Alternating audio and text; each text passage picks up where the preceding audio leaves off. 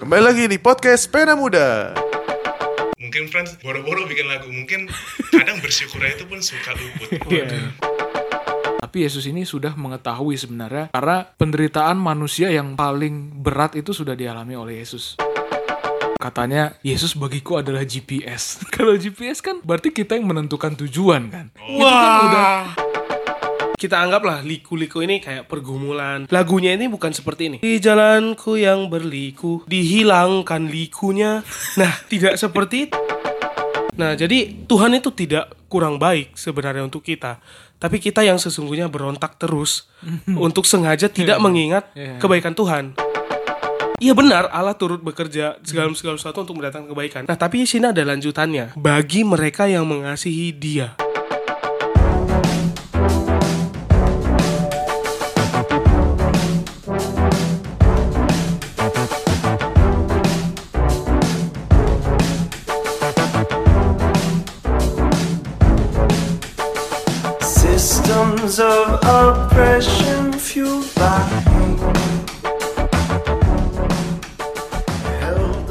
Kembali lagi di podcast Pena Muda. Eh, kita sudah masuk di episode yang ke-14. Dan saat ini masih bersama aku, Dedi Chandra Nababan. Dan hari ini kita akan mengisi episode dengan warna yang sedikit berbeda dari episode-episode sebelumnya.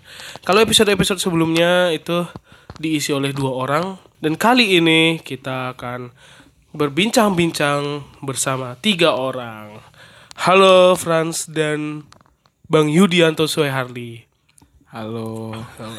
Bagaimana sehat kabarnya Bang Yudi bagaimana? tapi saya cuma cameo di sini Cameo ya. Cameo kalau di podcast gimana caranya cameo? Cameo apa sih? numpang lewat Oh, numpang lewat. Oke, Franz bagaimana kabarnya? Puji Tuhan baik. Ya, tambah ya, kita bersyukur ya bisa berkumpul kembali untuk ya sharing lah tentang sesuatu ya. Iya. Oke, Gak usah serius-serius banget. gak usah serius-serius banget. Jadi Bang hari- Yudi ini Bang Yudianto Suharli ya. ya, Yang muncul di episode 6 sama 7. heeh. Aku sangat terberkati sih dengan Wah aku apa lagi? sharingnya. Meskipun masih single, Sama terutama untuk orang yang masih single itu Yes, yes, sangat yes. memberkati ya. Bagi kalian yang belum mendengar silahkan, tapi nggak usah sekarang, dengerin ini aja dulu. Habis itu baru ke episode 6 sama 7. Iya benar-benar. Baik, hari ini kita akan membahas sebuah hal yang cukup menarik juga di kalangan-kalangan orang Kristen kali ya. Gitu. Kita akan merefleksikan atau membahas, membedah, mendiskusikan, mensharingkan sebuah lagu. Seperti episode minggu lalu ya. Yes, kalau minggu lalu kita lagunya apa, Franz? Lagunya itu Ajaib Benar Anugerah. Ya, atau Dari Kidung Jemaat nomor 40. atau bahasa Inggrisnya Amazing Grace. Ya. Betul, betul. Nah, kita hari ini akan membahas lagunya siapa ya? Lagunya Fanny J. Crosby. Ini nama yang sudah tidak asing sebenarnya. Yes. Kalau bagi orang-orang yang suka mendengar himne itu suka ya explore explore tentang himne ini tidak sudah tidak asing sebenarnya. Eh, kan banyak lagu Fanny J. Crosby ya. Iya. Nah hari ini kita mau mem- Hari ini mau eh, membicarakan lagu Fanny J. Crosby yang judulnya kalau bahasa Inggrisnya All the Way My Savior Leads Me. Kalau misalnya di bahasa Indonesia itu di Kidung Jemaat tuh eh, di jalanku Ku diiring. ku diiring. Itu di Kidung Jemaat 408. Ya tapi sebelum ke lagunya nih, kita akan membicarakan sedikit tentang kisah Fanny J. Crosby. Jadi dia itu lahir di Bang Yudi jangan tidur. Oh iya. iya iya aduh Halo halo Bang Yudi aman aman aman aman ya. Gak usah terlalu fokus ke laptop. nah, ya Fanny J Crosby nama aslinya yang yang aku baca di artikel tuh Frances Jane Crosby. Nah, kemudian di akrab dikenal jadi Fanny. Dia dari negara mana?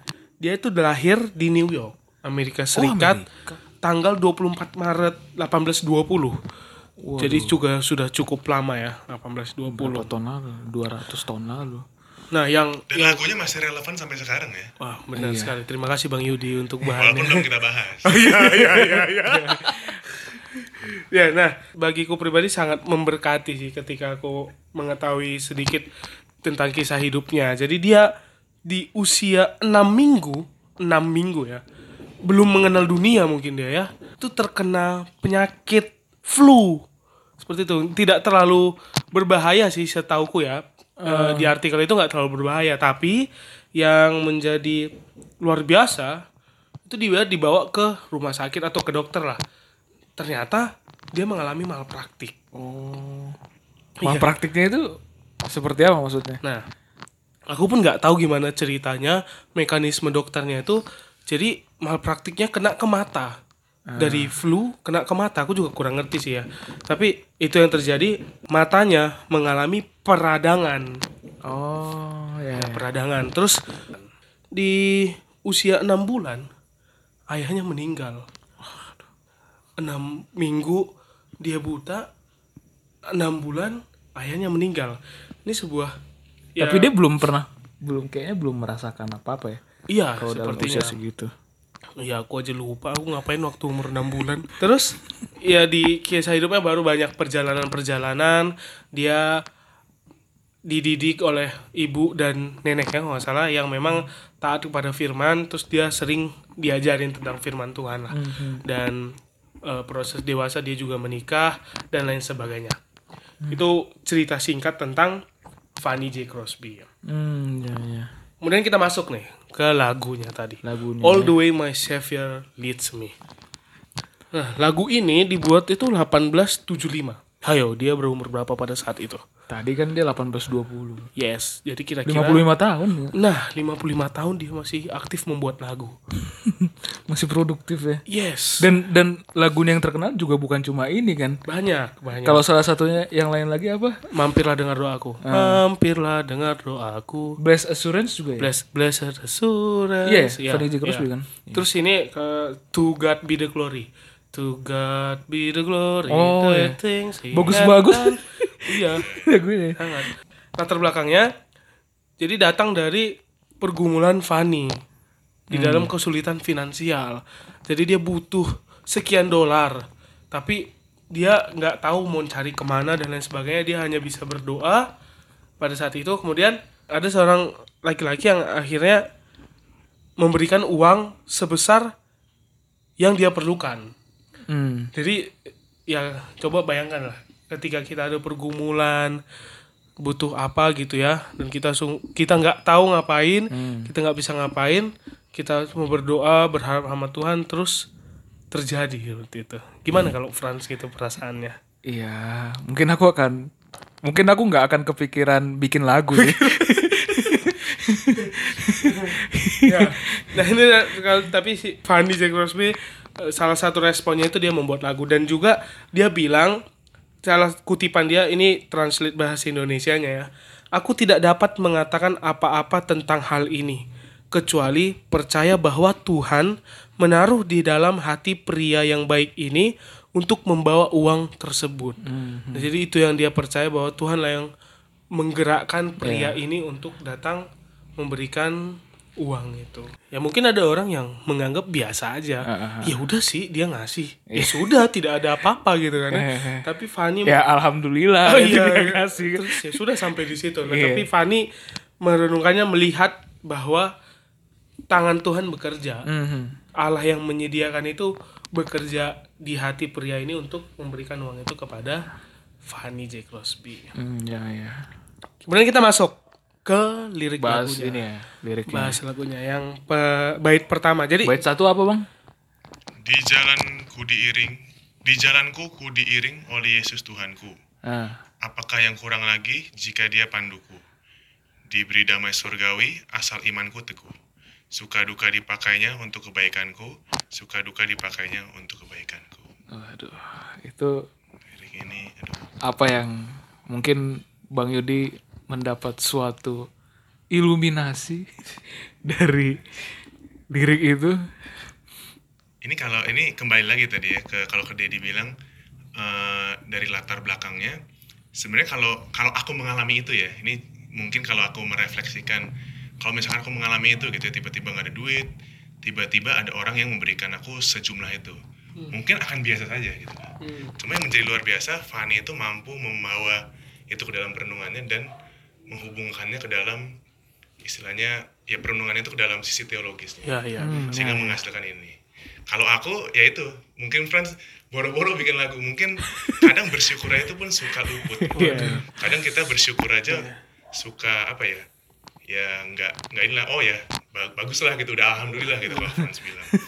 Bahkan dia bisa me- memanfaatkan untuk menjadi membuat lagu dan itu menjadi berkat bagi kita semua. Sampai sekarang, cuy. Gitu. Nah, kalau dilihat-lihat gitu ya. Kan ini keadaannya Fani itu udah percaya gitu ya, percaya pada Kristus dan kita pun di sini udah percaya kepada Kristus. Tapi ketika kita sudah percaya pada Kristus, lalu bagaimana? Apakah kita langsung meninggalkan dunia? Ya belum tentu juga kan ya. Sekarang Franz juga masih hidup, Iya. Bang Yudi masih hidup, saya juga masih hidup. Nah, Tuhan masih meletakkan kita di dalam dunia. Masih ada hal-hal yang harus kita kerjakan di dalam dunia ini selama kita hidup. Dan menurutku ya, kita semua ini sedang dalam suatu perjalanan. Seperti yang dibilang Fani ini di awal, di jalanku. Nah, dia ada seperti kepemilikan atau eh, aku sedang ada di dalam sebuah perjalanan. Ya kita tentunya sebuah da- sedang dalam suatu perjalanan kehidupan. Dan kita percaya bahwa Allah kita yang di dalam Kristus Yesus begitu mengasihi kita sampai-sampai Allah itu memimpin kita di dalam perjalanan ini. Iya, iya. Ini merupakan sebuah perkataan yang sangat memberkati sih bagiku ya. Kita di dalam dunia ini, kita sedang mengerjakan sesuatu, kita sedang dalam perjalanan, kita tidak sendirian. Hmm. Tuhan yang memimpin, Betul, betul. memimpin kepada suatu tujuan yang nanti akan kita bahas lagi. Hmm, ya, ya. Ya, kalau kalau dari aku sih melihatnya di sini dibilang kan di jalanku diiring oleh Yesus Tuhanku. Ya. Apakah yang kurang lagi jika dia panduku? Nah, aku di sini ada melihat suatu hal yang menarik ya. Yesus itu mungkin bisa dibilang pribadi yang paling mengerti penderitaan kita. Ya. Karena Yesus sudah merasakan penderitaan yang Iya, pen- penderitaan yang dialami oleh manusia sebenarnya. Karena kalau misalnya kita lihat di 1 Korintus 10 ayat 13 itu kan ya penderitaan kan kan mungkin berapa berkesinambungan mungkin dengan ada pencobaan juga kan. Dibilang di situ kan 1 Korintus 10 ayat 13 pencobaan yang kita alami itu sebenarnya pencobaan-pencobaan yang biasa sebenarnya yang tidak melebihi eh, kekuatan manusia. Nah, sebenarnya melihat ayat ini pun sebenarnya sudah menjadi penghiburan harusnya bagi kita Iya. bahwa ya yang kita alami sekarang itu sebenarnya tidak melebihi kekuatan kita. Tapi yang jadi penghiburan di sini lebih lagi adalah bahwa Yesus yang ada untuk menjadi pandu. Nah, Yesus yang ada menjadi pandu ini sebenarnya bukan sembarang memandu. Tapi Yesus ini sudah mengetahui sebenarnya seberapa kerasnya, seberapa menderitanya kehidupan manusia. Karena penderitaan manusia yang paling-paling berat itu sudah dialami oleh Yesus. Penderitaan yang mungkin kita semua tidak akan mampu untuk menghadapi yaitu penderitaan oleh karena Yesus yang menanggung murka Allah. Murka Allah kepada kita itu yang sudah sangat sudah ditanggung oleh Yesus dan aku juga jadi masalah pemandu ini aku keinget ada satu ini nih. Satu publikasi dari satu gereja gitu pengalaman katanya Yesus bagiku adalah GPS. bagiku bagiku itu agak naon.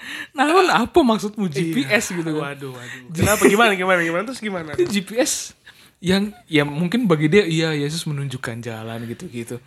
Ya tapi nggak GPS juga sih. Enggak GPS tergantung sinyal dia. Iya, sih. GPS GPS tergantung tergantung ya. sinyal. Kalau nggak ada sinyal hilang dong. Hilang. GPS Wah, tuh gimana Yesus? Terus gimana, Fran? kalau GPS kan berarti kita yang menentukan tujuan kan. Oh, Itu kan udah Ini udah dalam- salah Ini besar dari sana. sangat gitu. fundamental. nih, Menurutku udah Frans. salah besar dari sana. Kita menentukan tujuan dan kita juga bisa menentukan rute kan. Iya, iya. Kita bisa pilih mau naik Iya, moda mobil, transportasi apa terus gitu. bisa juga pilih sekarang ada pilihan Gojek, Grab gitu Iya, kan. kita iya. bisa menentukan. Iya, iya, yang Ini- mana yang nyaman sama Iya, kita gitu. Ini sangat sangat jauh daripada GPS kan. Wah, wah, wah. Yang namanya Allah menuntun itu itu ada di ya kita lihat di Galatia 2 ayat 20 sebenarnya. Yang namun aku hidup tetapi bukan lagi aku sendiri yang hidup. Melainkan Kristus yang hidup di dalam aku. Sebelumnya itu di atasnya aku telah disalibkan dengan Kristus. namun aku hidup tapi bukan lagi aku yang hidup. Ya memang ya memang kita sih yang menjalani. Cuman di satu sisi Kristus juga menjalani. Jadi siapa yang menjalani?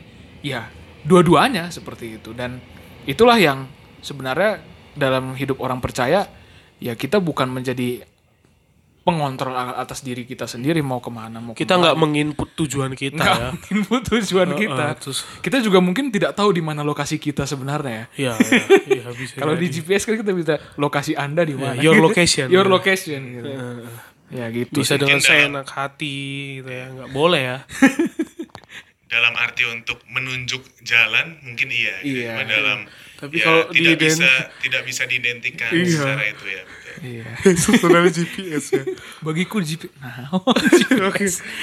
Nah, bagaimana ya kira-kira Allah yang memimpin itu di perjanjian lama Hmm. gitu. Yang bangsa Israel dan aku sangat ya sangat bersyukur melihat bahwa Allah kita pun adalah Allah yang memimpin bangsanya, memimpin umatnya bahkan di perjanjian lama juga. Itu keluaran 13 ayat 21. Nah, sini dikisahkan bangsa Israel udah keluar dari Mesir menuju tanah perjanjian. Dan Tuhan di situ dikatakan berjalan di depan mereka pada siang hari dalam tiang awan untuk menuntun mereka. Dan pada waktu malam dalam tiang api untuk menerangi mereka. Sehingga mereka dapat berjalan siang dan malam.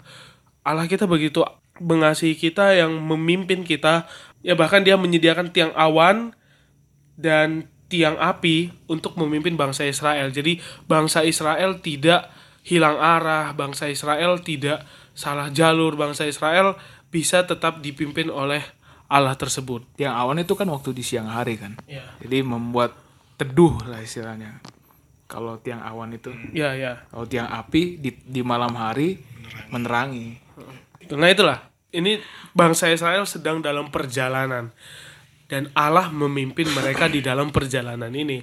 Ini ya sangat mirip lah dengan yang disampaikan oleh Fanny J. Crosby ini di jalan kuku diiring oleh Yesus Tuhanku.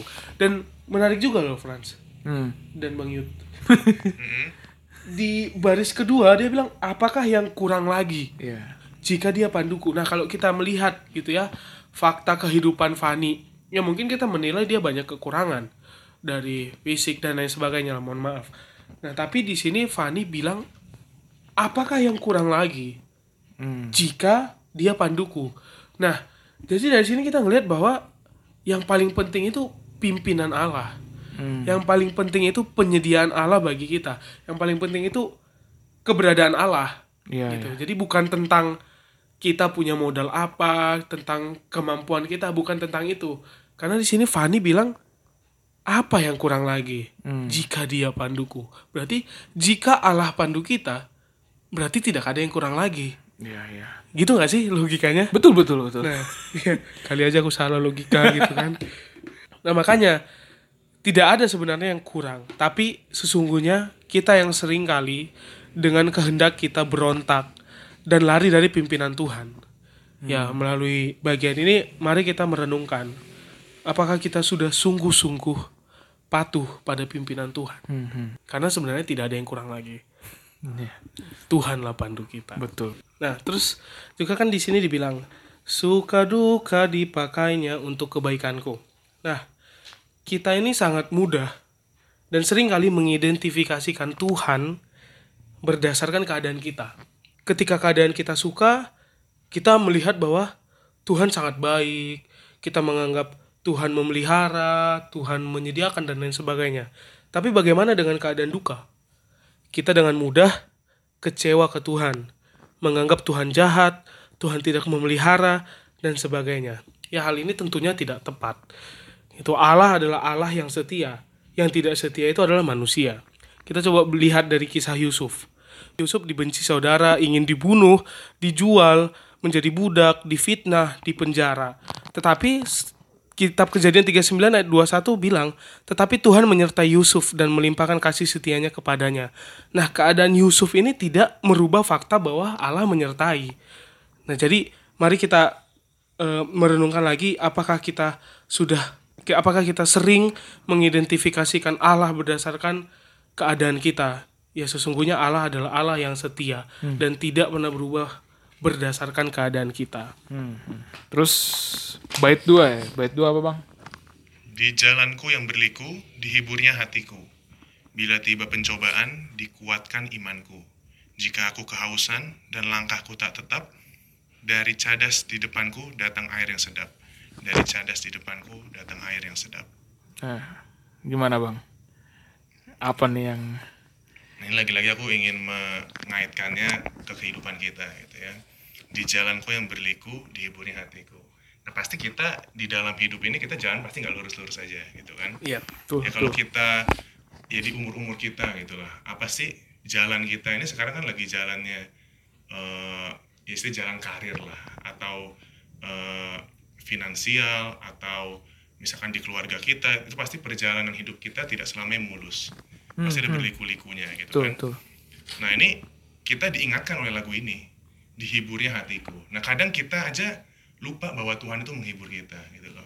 Kita bahkan lupa kita kita merasa kita menjalani hidup ini sendirian gitu kan. Iya, kita menjalani hidup ini, aduh, misalkan di kos atau mungkin yang di rumah sendirian atau siapa merenung gitu ya sendirian, aduh kok hidupku begini sekali. Gitu. Mulai pikiran liar. Nah, betul. Padahal sebenarnya melalui lagu ini kita diingatkan bahwa eh, Tuhan itu menghibur kita loh gitu. Gitu. Jadi bila tiba pencobaan dikuatkan imanku gitu. Jadi kita eh, ketika datang eh, suatu hal yang tidak mengenakan kita, itu sebenarnya Tuhan sedang me- menaruhkan sesuatu untuk hidup kita. Hmm. Gitu. Nah, tujuannya untuk lagi untuk dikuatkan iman kita sebenarnya. Mhm. Nah, tergantung kita itu memandang itu sebagai apa gitu, sebagai suatu hal yang justru aduh aku jadi terjatuh oleh karena itu atau memang kita mau harus bangkit oleh karena pencobaan yang diberikan itu. kalau kalau aku sih melihatnya gitu ya, kalau diimplementasikan dalam kehidupan sehari-hari seperti itu. Ya, ya. Ayat 2 bait 2 ini juga ada hal yang mungkin ku soroti itu perihal berliku-liku ini mungkin ini kalau kita search di Alkitab kata berliku ini ini identik dengan atau tendensinya itu ke orang yang negatif sih. Penipu itu jalannya berliku atau apa eh, orang yang sesat perilaku itu jalannya berliku itu biasa di Amsal. Nah kalau terjemahan bahasa Inggrisnya itu kan cheers each winding path I tread gitu. Yang mana winding ini juga artinya sebenarnya berliku. Jadi berkelok-kelok mungkin ya, ber, tidak tidak lurus. Bah- Bahasanya ini. Jadi jalan yang berkelok-kelok ini sebenarnya sangat sering kali memang sangat menggambarkan ya perjalanan kita bersama Tuhan itu yang tidak selamanya lurus. Ada akan ada waktu itu ketika kita tuh harus berbelok nih. Bahkan mungkin ke arah yang menurut penglihatan kita sebagai manusia itu berseberangan dengan tujuan kita. Kita udah lihat jelas-jelas tujuan kita di utara misalkan. Tapi kok Tuhan menuntun kita ke timur laut gitu atau ke tenggara. jadi jadi kadang kita kenapa kan tinggal lurus sebenarnya itu. Mungkin merujuk ke Kitab Keluaran. kitab keluaran juga di perjuangan apa perjuangan perjalanan bangsa Israel Iya. sebenarnya bisa kan bangsa Israel itu menempuh jalur Melalui yang jalan ke negeri orang Filistin. jalur yang lebih Paling sing- dekat. paling Lebih dekat. Tapi Tuhan memilih untuk supaya bangsa Israel mem- mem- apa menjalani jalur yang lebih panjang, berputar. berliku-liku itu. Jadi ya di situlah kita dilatih untuk mengerti ya. Dan mungkin ini juga di episode 9 kemarin waktu bahas tentang Nehemia juga bersama Dedi juga waktu itu Oh iya. ya Tuhan sering kali ya men, apa ya sering kali apa yang kita alami sekarang itu ya juga itu sebenarnya bisa menuntun kita ke tujuan yang yang sebenarnya yang Tuhan ingin kita jalani seperti itu karena ya ada juga ini yang mungkin paling sering didengar itu di Yesaya 55 ayat 8 sebab rancanganku bukanlah rancanganmu dan jalanmu bukanlah jalanku demikianlah firman Tuhan dan demikian juga sebenarnya lagu Andre the Backbone ada nih jalanmu bukan jalanku demikian Andre the Backbone ada. aku nggak tahu dia terinspirasi dari ini atau enggak ya. Ada ya. Ja- karena jalan kita bukan jalan Tuhan karena ya ya bener kalau dipikir-pikir kalau aku sering mikirnya kenapa jalan kita bukan jalan Tuhan aku sering mikirnya ya kalau Tuhan pakai jalan kita terus ya itu bukan jalan Tuhan lagi. Maksudnya jalan jalan kita mungkin terlalu pasaran bagi Tuhan untuk di ya ya itu udah gampang lah. Jalan seperti itu udah terlalu mudah lah untuk ditebak gitu ya. jalan ceritanya gitu udah. Jadi ya menurutku itu sih yang menjadi ya kalau aku berpikir positifnya. Tapi ya itu yang ada di Alkitab juga bahwa jalan Tuhan jalan kita itu sering kali mungkin bukan jalan Tuhan dan aku juga ada mendapat di ratapan tiga nih Ratapan 3 ayat 11 dibilang ia membelokkan jalan-jalanku merobek-robek aku dan membuat aku tertegun Nah, terus di ayat tapi di ayat 26 dibilang adalah baik menanti dengan diam pertolongan Tuhan. Dan di ayat 32 ini, karena walau ia mendatangkan susah, ia juga menyayangi menurut kebesaran kasih setianya. Jadi ya walaupun kita berkelok-kelok, ya itu ada tujuannya sebenarnya. Ya betul. Dan dan juga dan juga di refnya itu kan dari cadas Dari cadas di depanku dari cadas di depanku di diberinya air sedap ya. datang air yang sedap. datang air yang sedap. Nah, cadas itu kan kalau dari pengertian KBBI ini lapisan tanah yang keras nih. Uh keras ya. Batu yang terbentuk dari padatan pasir atau tanah. Jadi mungkinkah muncul air dari sana? Ya aku nggak tahu sih orang geologi mengerti apakah bisa muncul air dari cadas aku nggak tahu. Tapi ya ini yang digambarkan di Keluaran 17 kan waktu jemaah Israel itu di Rafidim ya. Nah, tidak ada air, tapi akhirnya air uh, Tuhan menuntun Musa dan akhirnya air muncul dari gunung batu di Horeb. Ya itu me- merujuk kepada tadi aku bilang sebelumnya. Jadi jalan manusia itu sering kali tidak seperti yang dilihat orang itu. Dari cadas gimana bisa muncul air? Tapi ya jalan Tuhan itu sering kali berbeda dengan logika manusia. Di lirik ini kan dibilang di jalanku yang berliku dihiburnya hatiku. Nah kita kita anggaplah liku-liku ini kayak pergumulan, permasalahan. Nah Iya. lagunya ini bukan seperti ini. Di jalanku yang berliku dihilangkan likunya. Nah tidak seperti itu lagu ini. Jadi likunya itu belum tentu hilang. Pergumulan itu belum tentu hilang. Permasalahan belum tentu hilang. Tapi apa yang dibilang lagu ini? Di jalanku yang berliku, dihiburnya hatiku. Nah, Allah itu yang lebih penting di dalam perjalanan kita. Allah yang ya, ya. menghibur kita, walaupun kita masih tetap dalam pergumulan Jalan itu. berliku, ya. Iya, walaupun kita tetap dalam perjalanan yang liku, berliku-liku itu. Nah, kecenderungan kita manusia sangat mudah ingin langsung minta ke Tuhan, udah Tuhan tidak usah ada liku-liku ini, tidak ada masalah ini, tidak ada lain sebagainya, tidak usah ada eh, permasalahan-permasalahan. Nah, tapi di sini Fani mengingatkan kita lagi bahwa le- yang lebih penting itu adalah Allah itu sendiri. Yang walaupun di tengah-tengah pergumulan kehidupan kita di perjalanan yang berliku ini, Tuhan tetap menghibur kita. Hmm, ya ya. Nah, keluaran ya kita coba lihat lagi keluaran itu bangsa Israel ya.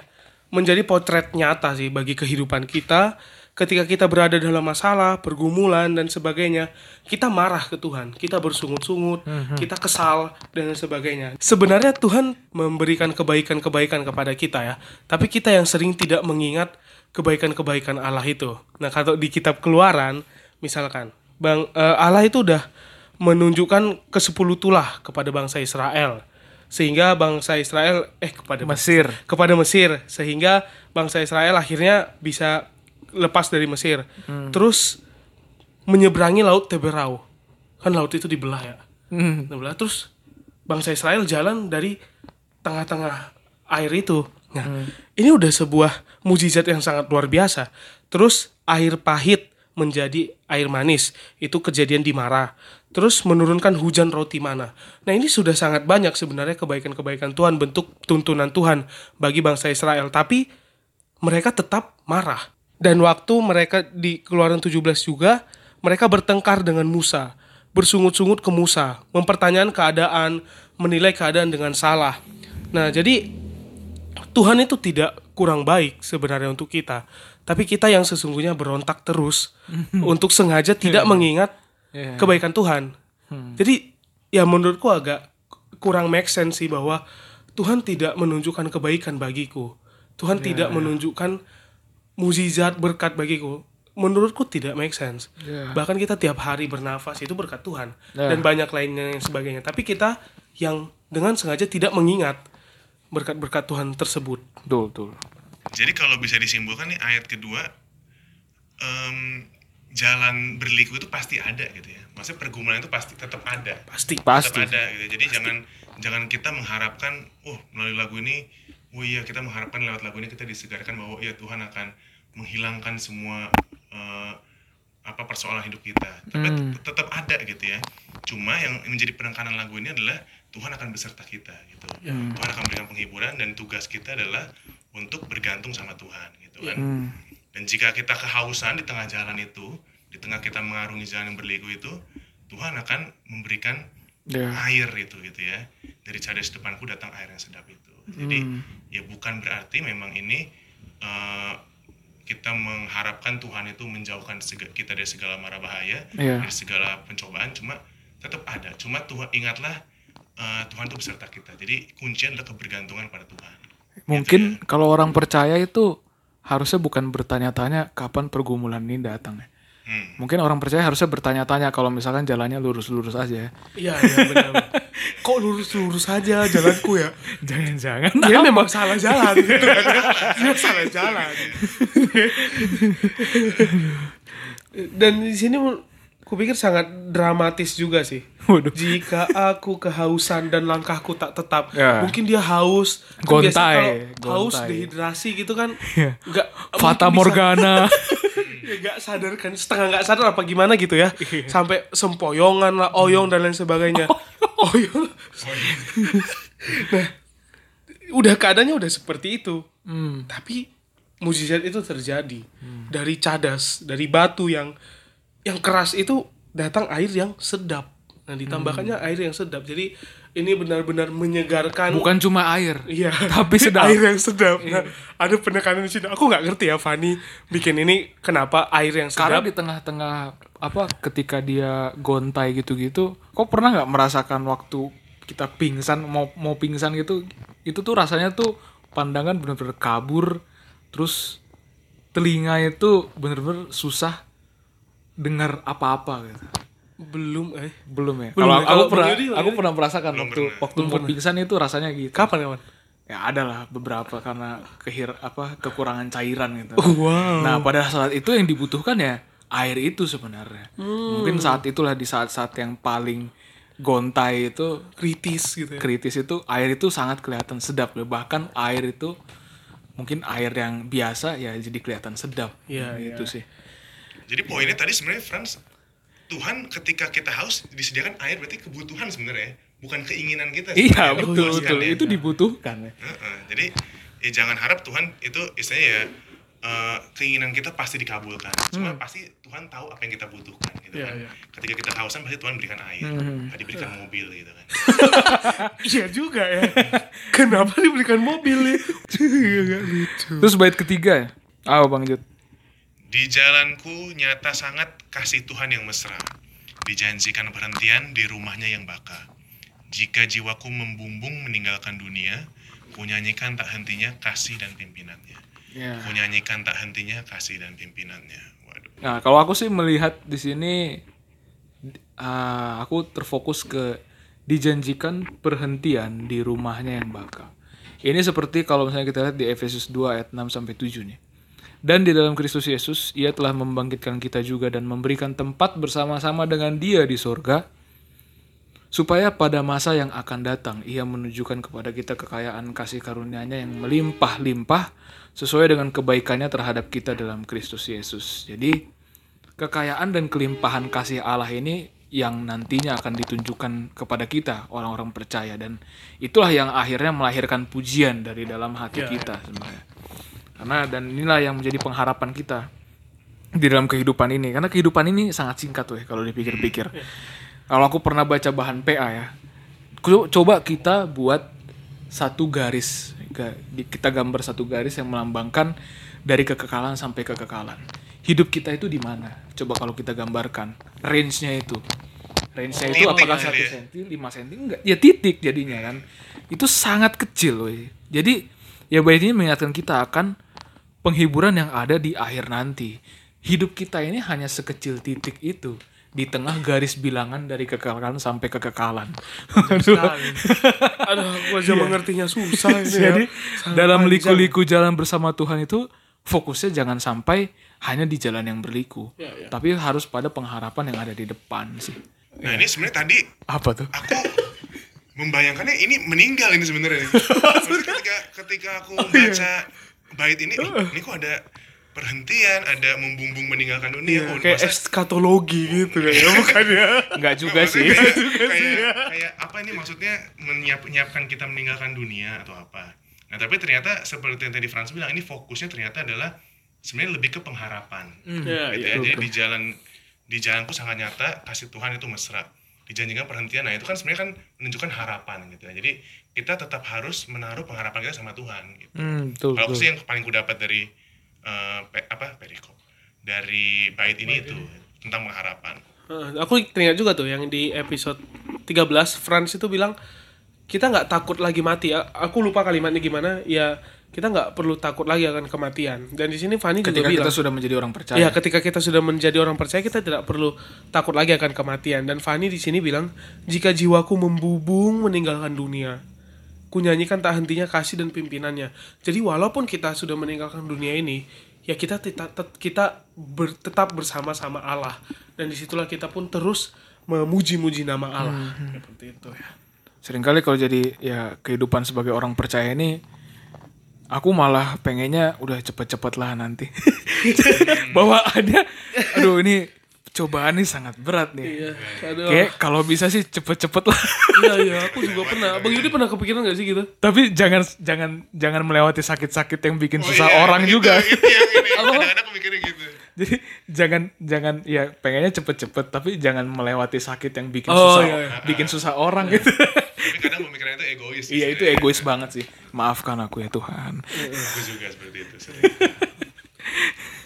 Iya iya. Nah ada satu hal yang eh, kemarin aku juga renungkan yaitu di Roma 8 ayat 28. Tentunya ayat ini sangat terkenal. Ayat ini sangat sangat sangat sering Dari di- angkanya udah udah 828 familiar gitu. ya, 828. Iya. Tentunya ayat ini sangat em, familiar khususnya ketika kita dalam pergumulan dan lain sebagainya. Iya, iya. Aku bilang aku tidak bilang itu salah ya, itu sangat tepat dan ayat ini memang sangat tepat juga. Nah, tapi kecenderungan kita aku lah paling tidak gitu ya dulu. Iya kau sih. Eh, waktu membacanya itu seperti ini. Roma 8 ayat 28. Kita tahu sekarang bahwa Allah turut bekerja dalam segala sesuatu untuk mendatangkan kebaikan. Udah, sampai situ aja. Hmm. Biasanya ya yang kita sorot, yang kita fokuskan itu ke kebaikannya. Iya benar Allah turut bekerja segala segala sesuatu untuk mendatangkan kebaikan. Iya benar Allah akan memberikan kebaikan-kebaikan pada kita. Benar itu sangat benar. Nah, tapi di sini ada lanjutannya Bagi yang mengasihi dia. bagi mereka yang mengasihi Dia. Nah, di sini mari kita merenungkan. Apakah kita sudah sungguh-sungguh mengasihi Tuhan? Ataukah kita hanya sering berfokus kepada kebaikan-kebaikan, minta kebaikan-kebaikan, tapi lupa untuk mengasihi Tuhan? Dan di sini juga dilanjutkan, yaitu bagi mereka yang terpanggil sesuai dengan rencana Allah. Ya kita pun perlu bertanya. Kita mengklaim kita sedang dalam perjalanan. Kita mengharapkan Allah menyertai, kita mengharapkan Allah memimpin, kita mengharapkan Allah menyediakan. Ya. Tapi kita perlu juga merenungkan, apakah perjalanan kita ini selaras dengan tujuannya Allah menciptakan kita? Apakah ternyata kita yang dengan seenaknya menentukan jalan kita terus sebenarnya kita ini tidak dalam koridor rencananya Allah. Ya. Terus kita mengharapkan pimpinan penyediaan dan lain sebagainya. Ya kita perlu merenungkan juga. Apakah di setiap keputusan yang kita pilih, di setiap rencana yang kita susun, di setiap hal-hal yang kita harapkan terjadi di masa yang akan datang, apakah itu sudah sesuai dan selaras dengan tujuan Allah bagi kehidupan kita? Hmm, betul. Jadi Roma ayat Roma 8 ayat 28 ini sesungguhnya juga menegur kita untuk senantiasa mengasihi Allah dan juga merenungkan kembali perjalanan kita ini apakah sudah selaras dengan yang Tuhan kehendaki atau tidak. Betul. Ya, jadi lagu Di Jalan Kuku Diiring ini lagu All the Way My Savior Leads Me ini mewakili ya, mewakili suara teriakan orang-orang yang sedang mengalami pergumulan ya. Iya, Dan ya orang Kristen secara keseluruhan sebenarnya Iya. seharusnya. Jadi inilah yang seharusnya menjadi doa kita dan seharusnya juga ketika kita menyanyikan lagu ini ada sikap hati seperti itu ya. Iya, iya. Ada sikap hati yang ya jangan di jalan tetet tetet kuku dingin. itu tidak ada perenungannya. Jadi harusnya ya dalam segala hal ya ketika kita menyanyikan lagu ini harusnya ada sikap hati yang benar-benar eh, merenungi bahwa jalan-jalan kita ini, jalan yang kita lalui ini bukanlah tanpa penyertaan Allah dan harus juga harus tetap berfokus kepada Allah dan pengharapan di depan. Iya. Seperti itu. Ya, intinya kalau ku boleh merangkum semuanya sebenarnya Tadi udah dirangkum, oh belum ya? Rangkuman kedua. Jadi kita intinya dari lagu ini adalah kita itu mungkin ada di perjalanan itu ya gitu ya. Kita ada di jalan ini. Nah, ini perjalanan suatu perjalanan kehidupan. Nah, mungkin perjalanan kita sekarang itu beda-beda. Ya. Ada yang sedang studi, ada yang sedang bekerja, ada yang mungkin sudah Mau uh, nikah. se- Oh iya, itu mau nikah, sudah mungkin sudah lanjut usia. Nah, ingatlah bahwa di setiap jalan kehidupan itu kita diiring gitu. Kita diiring oleh Tuhan, kita disertai oleh Tuhan. Kita diberikan pengharapan oleh Tuhan dan kita dikuatkan oleh Tuhan gitu. Betul, Misalkan betul. kita benar-benar bergantung penuh pada Tuhan ya. Sangat baik ya lagu ini ya untuk kita renungkan. Iya. Terima kasih Franz dan Bang Yudi untuk kesempatan kita bisa sama-sama sharing. Sama-sama juga Dedi, terima kasih. ya. Iya, sama-sama belajar ini. Terima kasih juga Dedi sudah mengajak untuk merenungkan Iya. ini juga. Fransi. Iya, iya. Baik, ya demikian episode kali ini. Nah, jangan lupa Oh ya, jangan lupa juga ya. Apa Frans? Jangan lupa. dengarkan episode-episode Oh iya, sebelumnya dengarkan episode sebelumnya dan follow Instagram dan Pena Twitter Muda, dan Twitter dan lain sebagainya. Di- dari Pena Muda Indonesia at Pena Muda underscore IDN. Iya. Terima kasih sampai ketemu di episode-episode yang akan datang. Kiranya Tuhan memberkati kita di perjalanan kita.